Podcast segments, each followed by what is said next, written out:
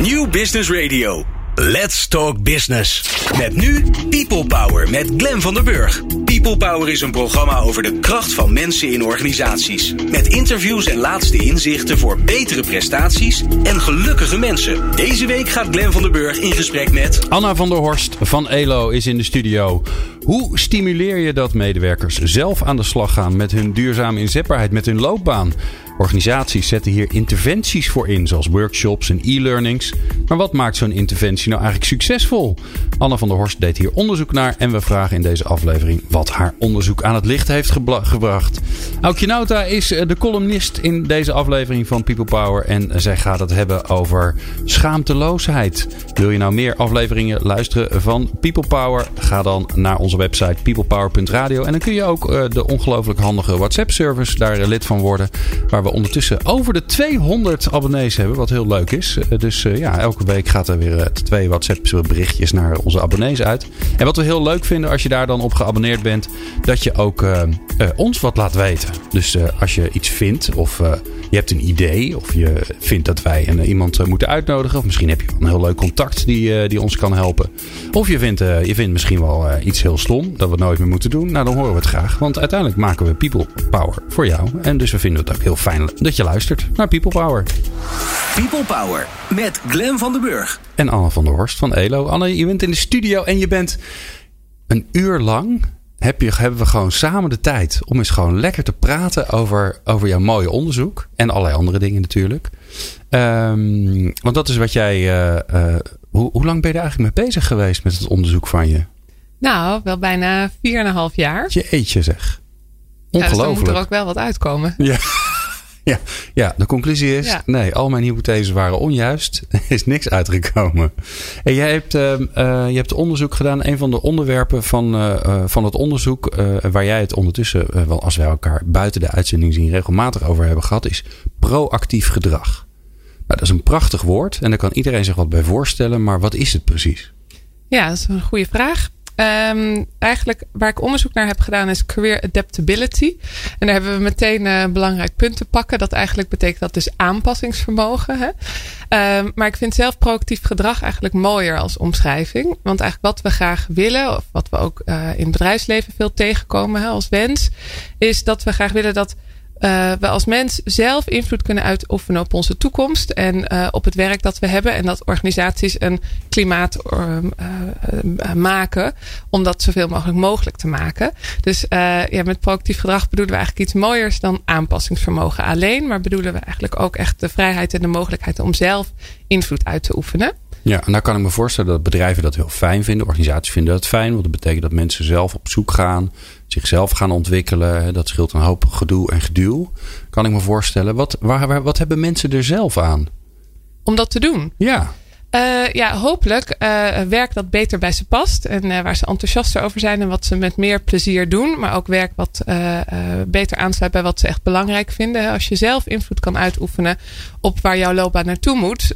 ja, hopelijk kom je dan uit op een plek die echt aansluit bij wat bij jou past. Ja, en, en, en, ik kan me ook voorstellen dat het überhaupt ook, hè, als je daar als organisatie ehm, in, in helpt. Of, of zorgt dat het klimaat goed voor is dat, dat, je ook, uh, dat ook mensen er gelukkiger van worden. Want uiteindelijk willen, willen wij toch ook ruimte en vrijheid? Ja, zeker. Ja, ja een beroemd model daarvoor het CAR-model.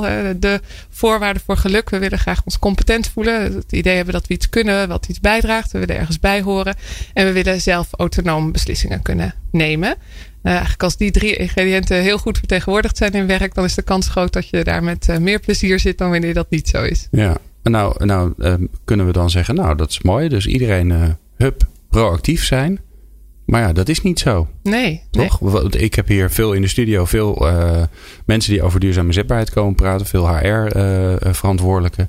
Eh, en, en bijna allemaal zitten ze met hetzelfde vraagstuk. Namelijk, we hebben allemaal mooie dingen bedacht. We hebben allemaal workshops en bijeenkomsten en, en budgetten en weet ik veel wat allemaal. Maar daar maken te weinig mensen gebruik van. Ja, ja. Dus jij hebt de sleutel in handen eigenlijk. Dat is ook echt uh, onderdeel geweest van de aanleiding waarom we dit onderzoek zijn gestart. Dat we zien uh, overal prachtige dingen opgetuigd uh, voor medewerkers. veel mogelijkheden om iets te doen. Maar eigenlijk van nature zijn we niet zo proactief. Tenminste, niet als het niet hoeft. Hè? En oh. eigenlijk alles als we het over duurzame inzetbaarheid hebben, willen we graag dat mensen vanuit zichzelf initiatief nemen voor een toekomst waarin het niet zo duidelijk is wat er dan gaat veranderen en wat je daar dan voor moet doen om goed mee te kunnen komen.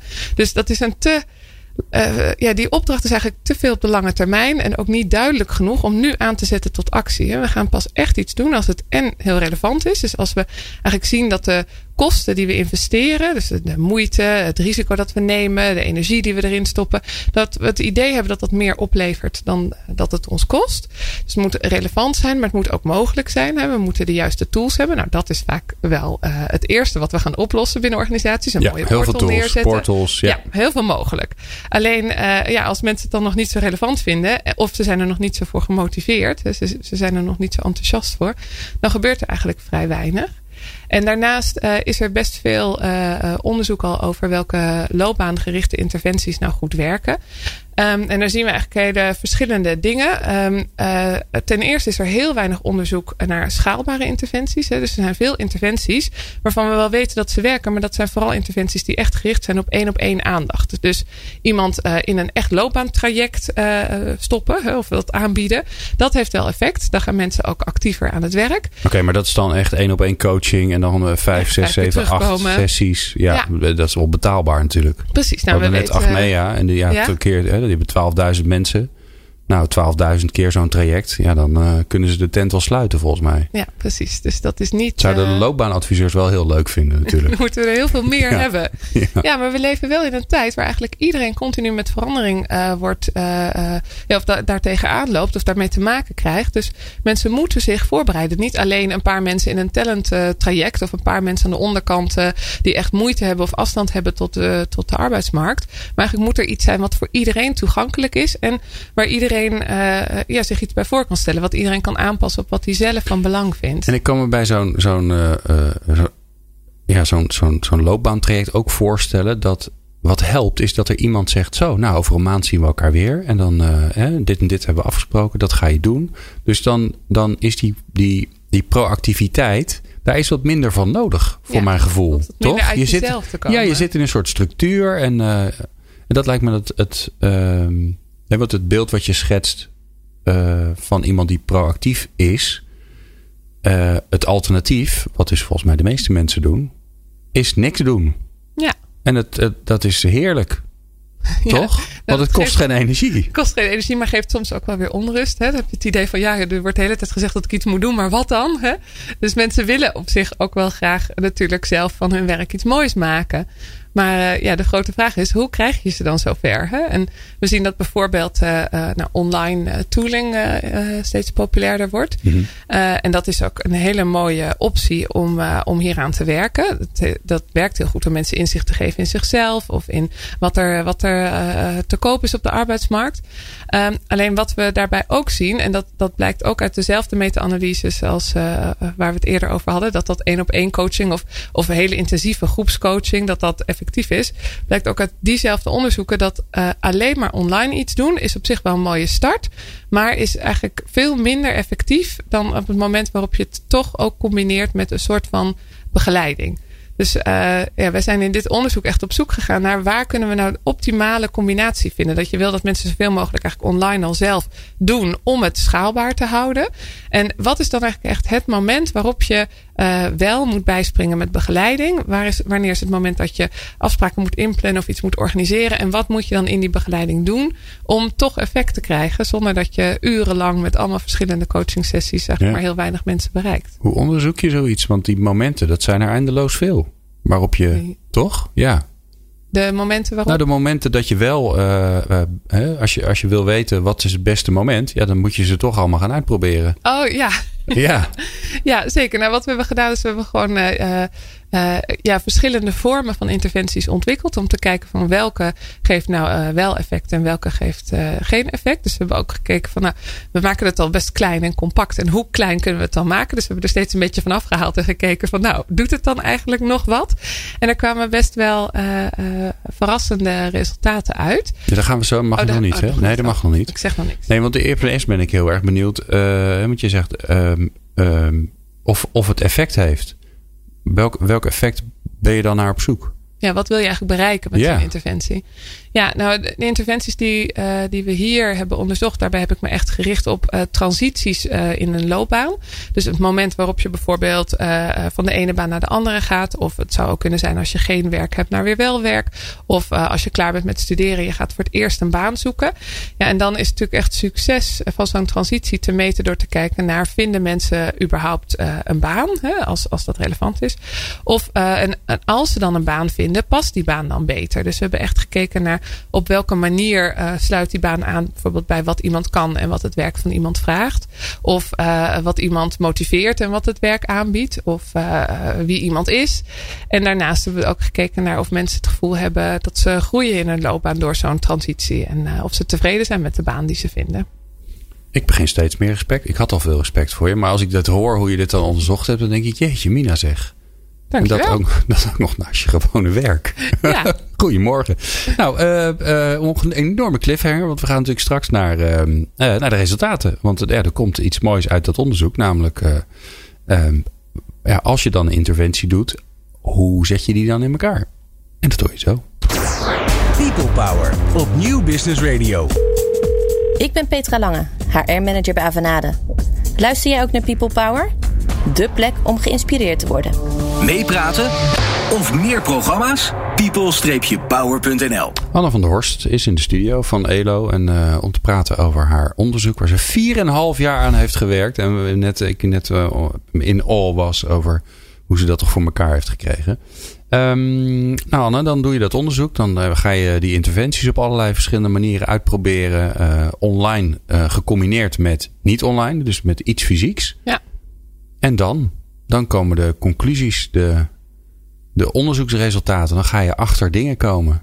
Dus waar kom je dan achter? Ja, gelukkig als hoofdconclusie dat je heel goed proactief gedrag kunt aanleren. Want dat was nog best wel even een vraag hè, aan het begin.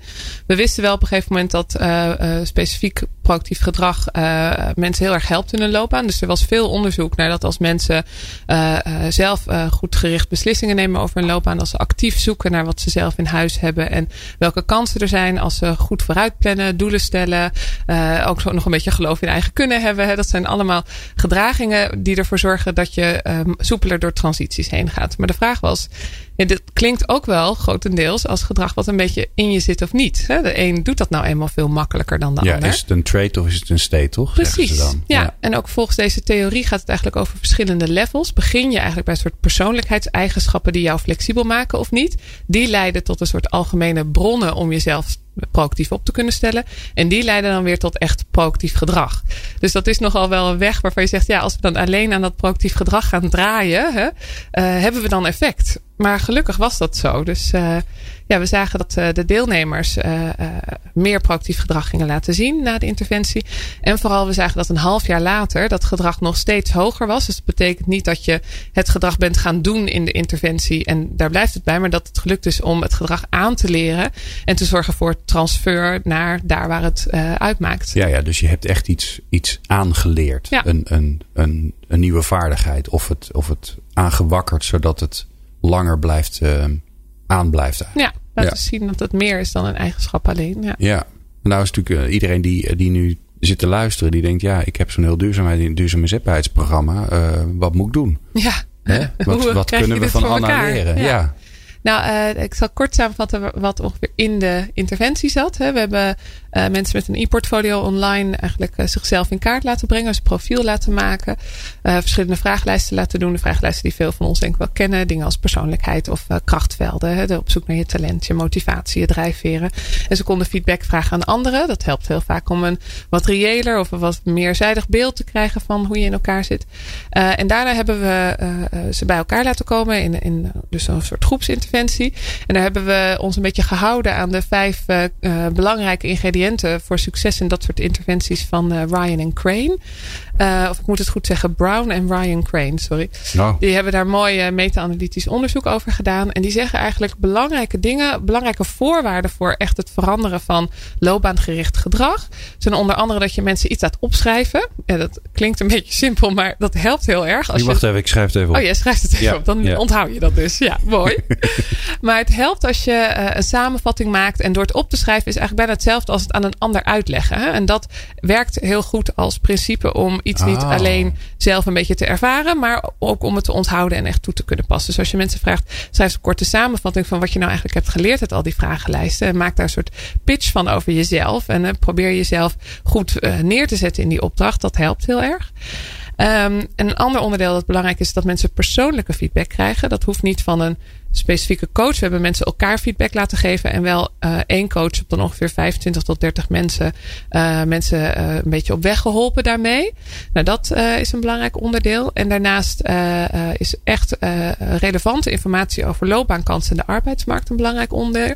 En dat kwam ook echt uit het onderzoek dat dat meer impact heeft dan wij dachten. Oké. Wij dachten altijd dat dat hele, hele gebeuren rondom loopbanen begint altijd heel erg bij eerst naar jezelf kijken. Hè? Maar eh, wij hebben het hier in een andere uitzending ook nog wel eens gehad over het vormen van identiteit en hoe dat, eh, hoe dat gebeurt. En eigenlijk heel belangrijk bij het vormen van identiteit is dat je een context hebt. Eh, dus we vormen niet een identiteit alleen op onze zolderkamer in ons eigen hoofd. Nee, we doen dat door Ja. te checken met anderen, eh, onszelf af te zetten ten opzichte van anderen, te zoeken naar bevestiging voor die identiteit. Dus eigenlijk denken we, dat weten we niet, want dat moeten we nog verder onderzoeken. Maar het zou heel goed kunnen dat eh, die eh, concrete arbeidsmarktinformatie zoveel impact heeft, zelfs over alleen maar naar jezelf kijken heen, omdat het eigenlijk meer context geeft, zodat mensen daarna veel effectiever met dat profiel aan de slag kunnen. Dus die beide Ja, dingen ja. doen. Je dat gaat jezelf al een beetje verplaatsen. Je denkt, oh, oh, er zijn veel mensen in de zorg nodig. Dat je al een soort beeld gaat creëren van ik in de zorg. Hoe, hoe zie ik er dan uit? Ja, en wat vind ik daar dan belangrijk? En Ja. wat kan ik daar dan eh teweeg brengen? Of wat, wat is mijn impact daar? Hè? Je, de- eh, zomaar vooral aan jonge mensen die nog misschien niet zoveel werkervaring hebben vragen. Ja, vertel eens, wie ben je? Wat heb je allemaal Ja, te bieden? wat wil je worden? Allemaal moeilijke vragen zijn dat voor mensen. Maar als je ineens zegt, hey, deze vacature, wat zie je daar nou? Wat vragen ze nou? En past dat bij jou? En wat heb jij eigenlijk in huis? Dan ineens kan je misschien wel makkelijker zo'n soort Ah. verhaal mooi neerzetten. Ah, interessant, interessant, interessant. Oké, dus dat is de derde. Ja, en verder is eh, nog een hele leuke, vind ik ook, eh, soort rolmodellen of mooie voorbeelden. Dat heeft eigenlijk ook, denk ik, heel veel met die context te maken. Dus als je andere mensen uitnodigt om te vertellen hoe zij succesvol door een lastige of uitdagende transitie heen zijn gekomen, kunnen mensen daar heel goed uithalen van, oh, dat stukje ga ik ook doen of dat past ook bij mij. Dus verhalen vertellen, naar elkaar luisteren, dat is een belangrijk component. En dan is de laatste nog het organiseren van social support. Dus eigenlijk goed kijken naar, ik heb dan allemaal loopbaanplannen of ik heb allemaal ideeën over wat ik zou willen en kunnen. Ja, zorg dan dat je goed nadenkt over welke leidinggevende, welke collega's, welke mensen uit je persoonlijke netwerk heb jij nodig eh, om je daarmee te begeleiden. Oké, dat zat allemaal in die interventies die jullie gebruikt hebben. Ja. En heb je dan ook eh, soms een, deel weg, een, een onderdeel weggelaten om te kijken wat dat dan deed? Hè? Want je zei al dat Ja. die, die relevante eh, informatie over loopbaankansen, dat die heel goed scoorde. Ja. ja, daar kom je alleen maar achter als je andere dingen niet doet. Ja, precies. Ja, ja en eh, wat, altijd lastig is in interventieonderzoek is om alle onderdelen apart te testen. Dat zou wel prachtig zijn, maar dat, ja, dat is heel uitgebreid. Dus we hebben bepaalde dingen daarmee wel eh, apart kunnen bekijken. En wat we gedaan hebben is wel geprobeerd alles erin te laten zitten, maar steeds de tijd eh, kleiner te maken om te kijken hoe, weinig tijd hebben we eigenlijk nodig om echt effect te behalen. Toen bleek we hadden eerst twee workshops. één helemaal over dat zelfexploratiedeel en de ander helemaal over de arbeidsmarkt. Nou, dat werkte fantastisch. Mensen waren dan in totaal vier uur in die workshops bezig. Ehm, en dan hadden we nog een soort tussenopdracht. Waarbij mensen eh, in één workshop gecombineerd aan zichzelf, eh, met zichzelf aan de slag gingen en die arbeidsmarkt gingen bekijken. En een workshop waarbij we eigenlijk alleen mensen hielpen om wel kort een profiel samen te stellen. Maar gewoon vinkjes te zetten. Vacatures te zoeken. En daarna mochten ze zelf gewoon op hun eigen houtje met dat profiel aan de slag. En eigenlijk deed die laatste het bijna net zo goed als die eerste. Dus dat hadden we helemaal niet verwacht. Oh. Eh, want we dachten eigenlijk, nou, steeds doe je een beetje minder. Dus steeds heb je ietsje minder effect. Maar ja, waar dat dan precies aan ligt, dat weten we niet. Maar daar hebben we natuurlijk wel ideeën over. Bij die middelste optie, waarbij het gecombineerd in één workshop zat, was er natuurlijk eigenlijk aan het eind van die workshop maar heel weinig tijd voor dat echt vacatures zoeken. Want dat moest nog een beetje achteraan. En iedereen was wel een beetje moe. En, en die andere twee, die hebben echt daar specifiek een hele workshop over gehad. Dus dan zien we van nou, die, dat beide doen is echt wel het beste. Hè? Uh, maar eigenlijk alleen naar die arbeidsmarkt kijken en dan wel helpen om dat echt te koppelen aan jouw persoonlijke profiel. Daarna kunnen mensen eigenlijk wel heel goed zelf resultaten behalen met online dingen doen. Ja, het is toch ik in de wereld. Ja. En als je niet weet hoe de. Ja, als, je, als je heel losgezongen over, over jezelf gaat nadenken. Uh, dan kan ik me ook voorstellen dat dat weer heel veel onzekerheid geeft van jezelf. Ja, ja eh, waar dan en met wie dan en, en, en in welk bedrijf of welke organisatie of welke branche. Ja, heeft minder houvast. Ja, mooi. Ja, En dus nu, dus nu, ja. Ehm, wat moeten we doen? Hoe moeten we dit doen? Ja, en wat, wat we, ik bedoel, dit heeft nogal effect op Ja. alle, alle mobiliteitscentra van alle grote organisaties, op UWV's en weet ik veel wat allemaal. Nou, wat mooi is dat de conclusie die we uit kunnen trekken is dat op zich interventies implementeren helpt. Hè? Dus dat, dat is mooi. Ehm, en daarnaast eh, ja, die grote vraag van hoe laat je mensen nou meedoen, dat is nog steeds echt wel een hele grote uitdaging. En ehm, ehm, we hebben eigenlijk nog een studie hiernaast gedaan en die ging heel erg over die persoonlijke eigenschappen en het effect daarvan op dat proactieve gedrag. En daar hebben we gezien dat hoog scoren op dingen als een interne locus of control en algemene nieuwsgierigheid en, en algemeen zelfvertrouwen. Als heel- je nou woorden gebruikt hè, waarvan je denkt, nou, de hè, interne locus of control, die moet je wel even uitleggen. Even uitleggen, die ja. moet je, ja, dat is, eh, Ja, dat is eh, nog, geen, nog geen gemeengoed. Dat gaat erover dat mensen eh, zich de, het gevoel hebben dat succes en falen voor in ieder geval een groot gedeelte toe te schrijven is aan eigen handelen. Dus als je een lage interne locus of control hebt, heb je eigenlijk het idee dat dingen je een beetje overkomen of aangedaan worden. En hoe hoger die is, hoe meer je beseft dat je zelf invloed kunt uitoefenen op de dingen die jou overkomen. Of die, die er om jou heen gebeuren. Ehm, eh, eh, en, en we zien dat die eigenschappen een hele sterke positieve invloed hebben op hoe proactief mensen zijn. En we zien bijvoorbeeld dat leeftijd heeft een wat, wat negatief effect daarop. Maar dat hele effect van leeftijd verdwijnt op het moment dat mensen wel die eigenschappen hebben. En ehm, eh, dat zijn wel eigenschappen die iets zeggen over mensen zelf natuurlijk. Maar ook wel dingen die heel goed te beïnvloeden zijn met een bepaalde werkomgeving. Als je mensen heel weinig ruimte of vrijheid geeft om zelf over hun eigen werk te beslissen. Nou, dan eh, kan je minder goed verwachten dat ze een sterke interne locus of control ontwikkelen. En daar zijn natuurlijk ook bedrijven nu heel veel mee bezig om zelfsturende teams op te zetten en dat soort dingen allemaal Ja. te ondernemen. Maar je ziet wel dat dat eh, ruimte bieden voor autonomie en tegelijkertijd dus een sterke context bieden. Want ik denk dat die twee dingen bij elkaar wel een hele belangrijke combinatie zijn. Eh, dan geef je mensen de mogelijkheid om echt tot actie over te gaan. Ja.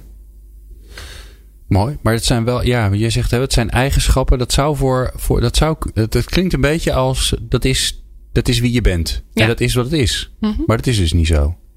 Ja, Je kunt dat ook weer eh, ontwikkelen, beïnvloeden. Ik denk dat een heel groot gedeelte beïnvloed wordt hè, door wie je bent en, en hoe je in elkaar zit. Maar eigenlijk ook mensen met een hele hoge interne locus of control verliezen dat op het moment dat ze nergens invloed op kunnen uitoefenen. Want ja, dus je kunt het, kapot maken. ja je kunt het Ja, ja. zeker heel effectief eh, onderuit halen. Ja. En je kunt het dus ook eh, eh, juist ruimte geven en stimuleren. Dat betekent niet dat iemand die van nature een hele lage interne locus of control heeft, ineens eh, de nummer één zal worden.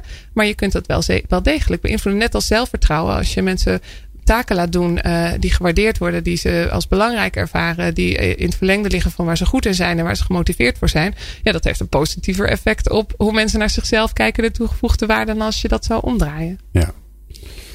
Ja, dus ik hoor je eigenlijk zeggen, de manier waarop je georganiseerd bent, dus hoe, je, hoe mensen dagelijks werk doen, is misschien wel de beste interventie om ervoor te zorgen dat mensen proactiever ook eh, naar zichzelf gaan kijken en naar hun eigen loopbaan. Ja, en helemaal als je het hebt over iets als duurzaam inzetbaarheid. Ik zie veel bij organisaties dat dat wordt georganiseerd als iets naast het werk. Ja, als iets ding. wat Ja. mensen in hun eigen tijd moeten doen. Of wat niet direct raakt aan de cultuur van de organisatie.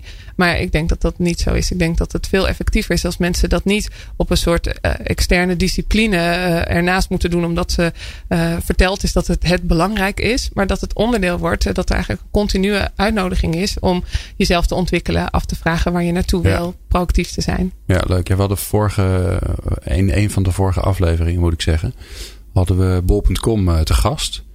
En die, dat was precies hun verhaal. Ze zeiden, ja, weet je, wij, wij veranderen continu. eh, dus veranderen onze medewerkers continu. En, en, en dus zelfs ook in de samenstelling in de teams verandert continu. Dus ja, wij moeten wel elke dag met leren bezig zijn. Ja. En, en ja, dus dat hele duurzame inzetbaarheid is daar niet echt een een ding. thema. Nee. Dus we hadden een aflevering over duurzame inzetbaarheid. Die niet, of over leren en ontwikkelen. En eigenlijk ging die alleen maar over hoe, hoe, over hoe de organisatie in elkaar zat. Ja. Ja, dus wil je die luisteren? Ga dan even naar peoplepower.radio. Maar natuurlijk eerst even deze aflevering afluisteren. Want we gaan zo eh, luisteren naar ehm, eh, een van onze favoriete columnisten. eh Aukje Nauta. En die heeft een prachtige titel voor haar col- column. Namelijk Wees schaamteloos. En dat hoor je zo. Hoi. People Power. Inspirerende gesprekken over de kracht van mensen in organisaties. Met Glen van der Burg. Laatst eh, was ik eh, het lijstje van columnisten is door aan het kijken. En, en toen dacht ik, tot mijn, eh, en, ik, voelde mij ook een lichtelijk het schaamrood naar boven komen. Want van alle columnisten die we hebben, nou, dit zijn er geen honderd, maar het zijn er toch wel een paar. Hebben we één meisjescolumnist. En eh, dat is eigenlijk te weinig. Dus eh, ik dacht, ik gebruik deze aankondiging van eh, onze fantastische columniste Aukje Nau- Nauta, par- partner bij Factor 5 en bijzonder hoogleraar enhancing individu- individuals in het dynamic work context aan de Universiteit van Leiden. Ook even om eh, een oproep te doen. Als jij nou denkt, ja, ik ben een, ik ben, ja, sorry voor de positieve discriminatie, maar ik ben een, ik ben een mevrouw eh, of, een, eh, of een meisje. Het ligt er een beetje aan hoe je je voelt. En, ehm, eh, en ik vind het heel leuk om columns te schrijven over de kracht van mensen in organisaties. Dan moet je even een mailtje sturen naar glen.people-power.nl. Nou, tot zover deze oproep. En ehm, alle aandacht voor Aukje. Wat fijn dat je er weer bent, Aukje. Dankjewel. En eigenlijk haal je me de woorden uit de mond, want mijn aanrader voor eh, deze keer die luidt: wees schaamteloos. En die wilde ik eigenlijk beginnen met een vraag aan jou te stellen, maar die heb je eigenlijk al beantwoord, namelijk: schaam jij je wel eens, Glenn? Jazeker. Ja, Ja. En, en waarvoor schaam je je nog meer, behalve dan dat je te weinig meisjescolumnisten hebt? Ehm, nou, ik, de laatste tijd, eh, eh, als ik mij voorstel dat ik weer een zwembroek aan moet, dan denk ik, nou, volgens mij ben ik te laat begonnen om, weer- om weer een beetje in shape te komen. Ehm, maar verder ben ik niet zo, ik ben verder niet zo'n hele schamerd. Dus ik schaam me niet zo snel v- voor gek doen Ja. of eh, raar eruit zien. Of, nee, dat valt best wel mee. Nee. Nee, en als je ook zo vrij uit vertelt van ik schaam me een beetje voor dat ik weer in de zwembroek moet, dan schaam je natuurlijk ook niet echt. Want als je je echt schaamt, dan zou je dat natuurlijk niet durven vertellen. Maar goed, eh, mensen die kunnen zich inderdaad voor van alles en nog wat schamen. Meestal gaat het inderdaad over uiterlijk. Dat je te dik bent, of juist te dun, of te lang, of te klein. Of dat je te stil bent, hè? als het gaat om gedrag. Of, of juist dat je op een feestje weer veel te luidruchtig bent geweest. Maar ook als het om werk gaat, dan wordt er wat afgeschaamd. Hè? Bijvoorbeeld voor fouten die je maakt. Of dat je nog steeds een junior functie hebt. Of, of dat je op je, eh, je werk soms neiging hebt om, om in huilen uit te barsten. Ik heb dat eh, tenminste wel eens. Nou, in een, eh, in een podcast hoorde ik laatst een verhaal van een vrouw in, in Amerika. die telkens maar weer werd afgewezen voor allerlei leuke klussen en opdrachten. Nou, als dat steeds gebeurt, ja, dan ga je je best wel een beetje schamen. Ben ik wel oké, denk je dan al snel? Mag ik eigenlijk wel bestaan als je dat dan een beetje ver doorvoert? Nou, deze vrouw had dat ook. Maar ze verzon iets slims om met haar schaamte om te gaan. En daar kom ik straks nog op terug, want ik wil eerst nog wat meer vertellen over schaamte. Schaamte zorgt ervoor dat je dingen niet meer durft. Dat je in je schuld kruipt, je verstopt. En dat is jammer, want mensen die zich al te erg schamen, zo blijkt uit onderzoek, die raken depressief. Nou, daarom vond ik het wel mooi toen ik laatst iemand van een jaar of veertig aan een groepje van zijn eigen collega's hoorde vertellen dat hij eigenlijk het liefst niet zou werken.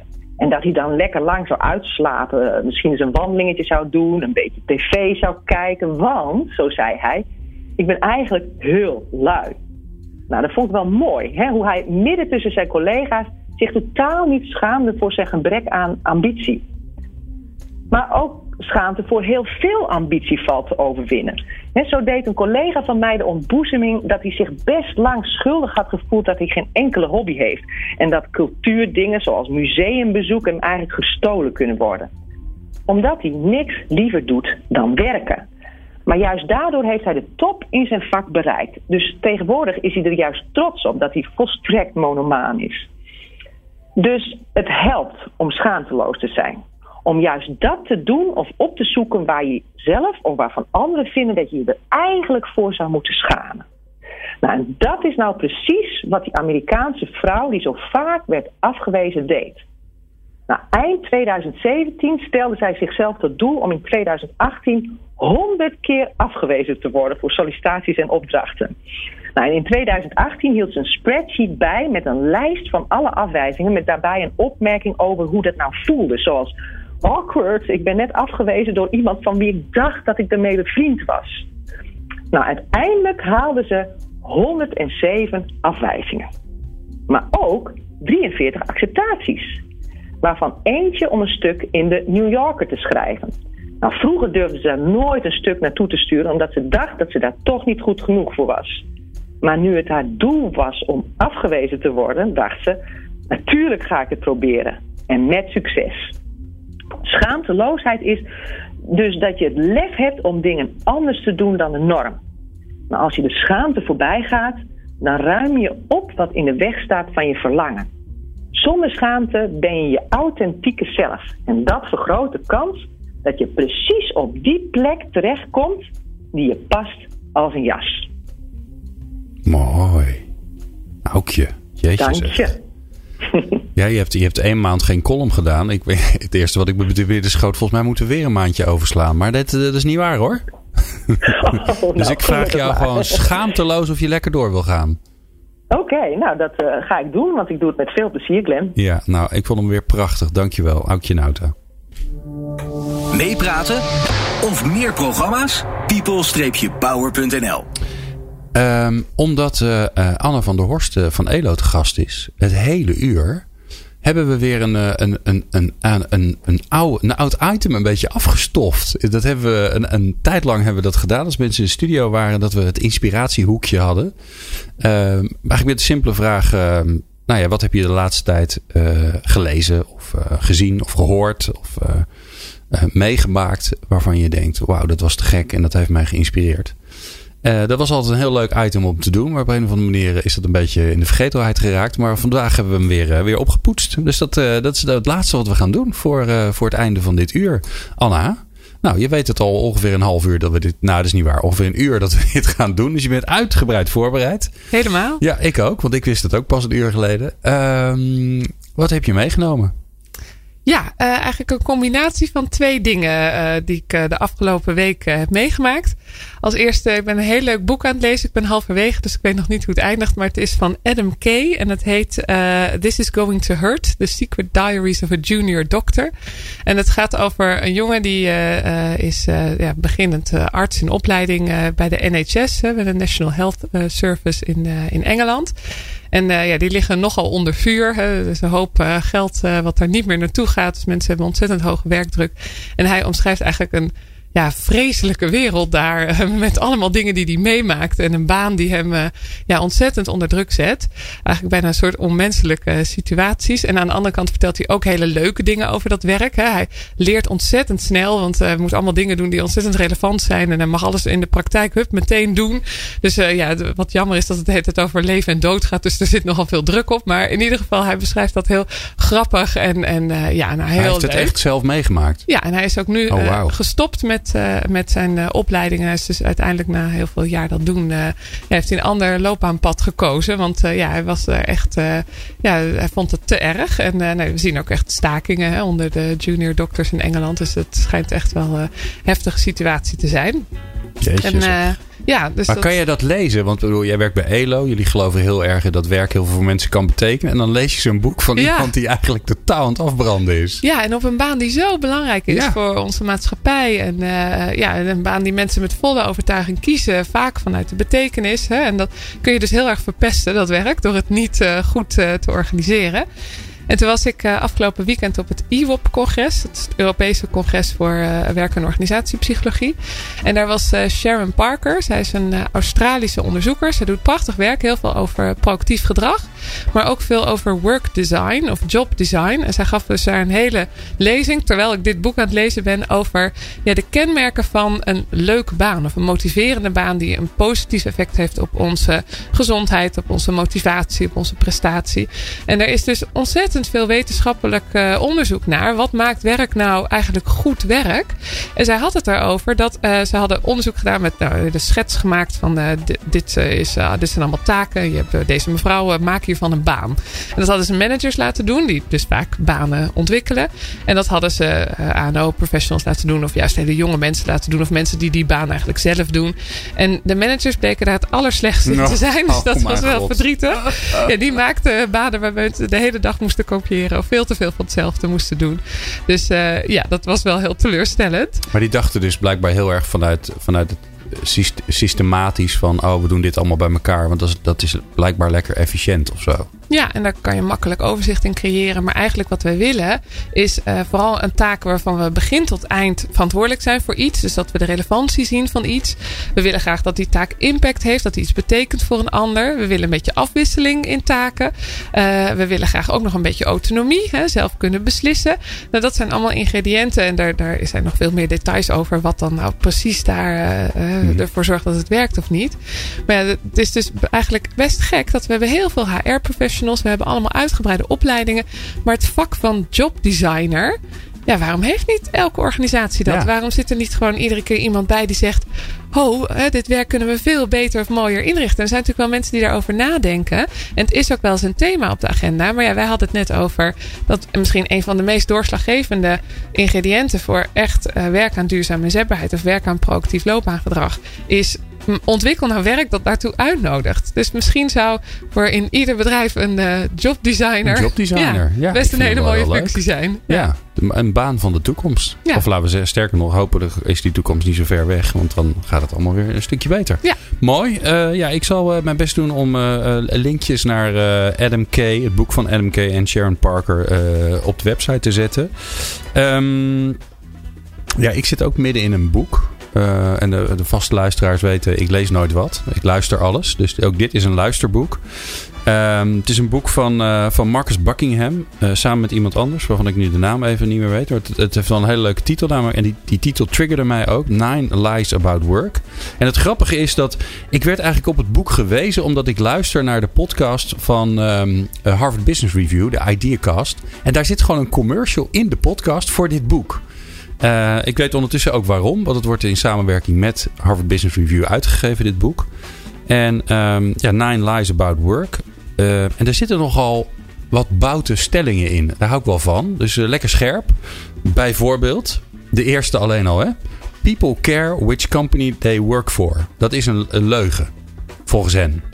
En wat ze dan eigenlijk zeggen in dat eerste hoofdstuk is... Um, uh, de belangrijkste invloed op het, uh, op het engagement van mensen, of mensen het naar hun zin hebben op hun werk, of ze, of ze gemotiveerd zijn, dat is het team waar ze werken. En dat is ook niet zo raar natuurlijk, want dat is ook, ja, dat is ook je naaste omgeving. Dat zijn de mensen waar je echt mee werkt. Maar zij hebben dus uit het onderzoek wat zij al jarenlang doen uh, naar engagement, kunnen ze eigenlijk die eruit halen. Dat ze zeggen, ja, de, de, de drivers van, um, uh, van een team, dus of je met leuke mensen werkt en of je besnapt uh, wat je taken eigenlijk zijn, nou, al dat soort dingen, die bepalen uiteindelijk of je, um, ja, of je het naar je zin hebt op je werk. Maar dat is nogal wat. Hè? Als, je, als het dus niet uitmaakt voor welk bedrijf je werkt, als dat niet een, een driver is, ja, dan, uh, uh, daar ga je dan. Hè? Dus zij zeggen bijvoorbeeld ook, ja, organisatiecultuur, dat is gewoon onzin. Daar hoef je helemaal geen tijd aan te besteden. Nou, dat gaat zo nog even door. En dan gaan ze naar the best plans win. Nou, dan sabelen ze even alle plannen, plannen, makerijen neer. Nou, dat snap ik op zich nog wel. Um, de best companies cascade goals. Hè? Dus uh, nou ja, je hebt uh, doelen en zo. En die ga je dan doorvertalen. En uh, nou, daar zitten dan weer alle, de hele um, beoordelingssystematiek maken ze daar even in as, af. Deze vond ik wel heel erg mooi. The best people are well-rounded. oftewel, mensen zijn multi-inzetbaar. hebben, kunnen, kunnen van alles en nog wat doen. Hè? Dus zijn heel breed inzetbaar met hun kwaliteit. En zij zeggen eigenlijk van ja, daar moet je mee ophouden. Want men, je moet mensen juist uh, specialist laten worden. Je moet op zoek gaan naar waar ze zich sterk in voelen. En ze moeten ze juist daar uh, moeten ze in. En ik zit nu in het laatste hoofdstuk. Ik zal ze niet allemaal opnoemen. Uh, want dan moet je het boek maar verkopen. Maar ik zit in het laatste hoofdstuk. En het laatste hoofdstuk heet Leadership is a thing. En ook daarvan zeggen ze: is onzin. Alles wat er ooit geschreven is over leiderschap, dat is een, een grote verzameling aan allerlei vaardigheden geworden. Wat onzin is. Mensen, uh, het enige wat een leider uh, definieert, is een volger. je bent pas een leider als je volgers hebt. Dus de volgers bepalen wie er een leider is. En die kun je dan vervolgens vragen: waarom vind je dit een leider? En in de regel is het zo dat een leider juist één bepaalde kwaliteit heeft waar die heel erg goed in is. En heel veel andere kwaliteiten, die zijn dan ook op, op sommen. Dat is dan uh, authenticiteit en uh, dingen goed kunnen verwoorden en empathisch zijn. Dus we hebben een hele lange lijst met allemaal, allemaal vaardigheden die je volgens alle theorieën moet zijn. Waarbij zij eigenlijk zeggen, ja nee, die leider die heeft één ding waar die heel goed in is. En juist op dat moment is dat heel hard nodig. Dus je moet juist extreme moet je hebben. Een leider is dus blijkbaar ergens extreem in. Nou, zo gaat dat het hele boek door. En als je nou in dit vakgebied zit en je gelooft dat boek, dan uh, heb je een hoop dingen anders te doen, kan ik je zeggen. Uh, maar wel heel erg leuk. En natuurlijk uh, Amerikaans geschreven. Dus heel leuk met allerlei voorbeelden en verhaaltjes erin. Het enige wat ik irritant vind is dat het heeft twee schrijvers. En de ene schrijver is Mark, Buckingham. Die leest het ook zelf voor. Heeft een hele fijne stem. En de andere is een, een andere Engelsman. En die heeft een hele wel een mooie donkere stem, maar heel saai. Dus ik onthoud de helft van de hoofdstukken en de andere helft niet. Als je het dan hebt over leiderschap en uh, well-roundedness, dan uh, hadden ze beter kunnen zeggen: Marcus, lees dat hele boek maar in je eentje voor. Nou, dat was die van mij. Mooi hè? Prachtig. Nou, Anna, het inspiratieblokje weer in ere hersteld. en we zijn door duur, het uur heen. Zo gaat dat dan, hè? Snel. Um, beetje maf dat ik gewoon eindig. Vind je? Dat is een beetje raar. Normaal eindigt de gast altijd. Nou ja, het is niet anders. Um, Anna, wat ongelooflijk leuk dat je hier was. Weer. Dankjewel. Het was ondertussen wel alweer een tijdje geleden. Uh, wij zien je ongetwijfeld uh, uh, snel weer. Graag. Hier in dit theater. En um, volgende week zijn wij er een weekje niet. Want dan is Pinksteren. Dus dan heb ik familietoernooi van de hockeyclub. En de week daarna zijn we er weer wel. Dus als je dan weer luistert, zouden wij het heel erg leuk vinden.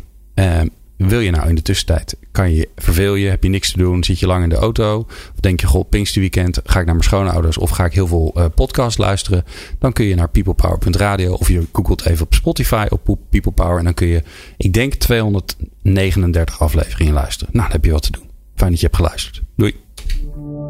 Meepraten of meer programma's? people-power.nl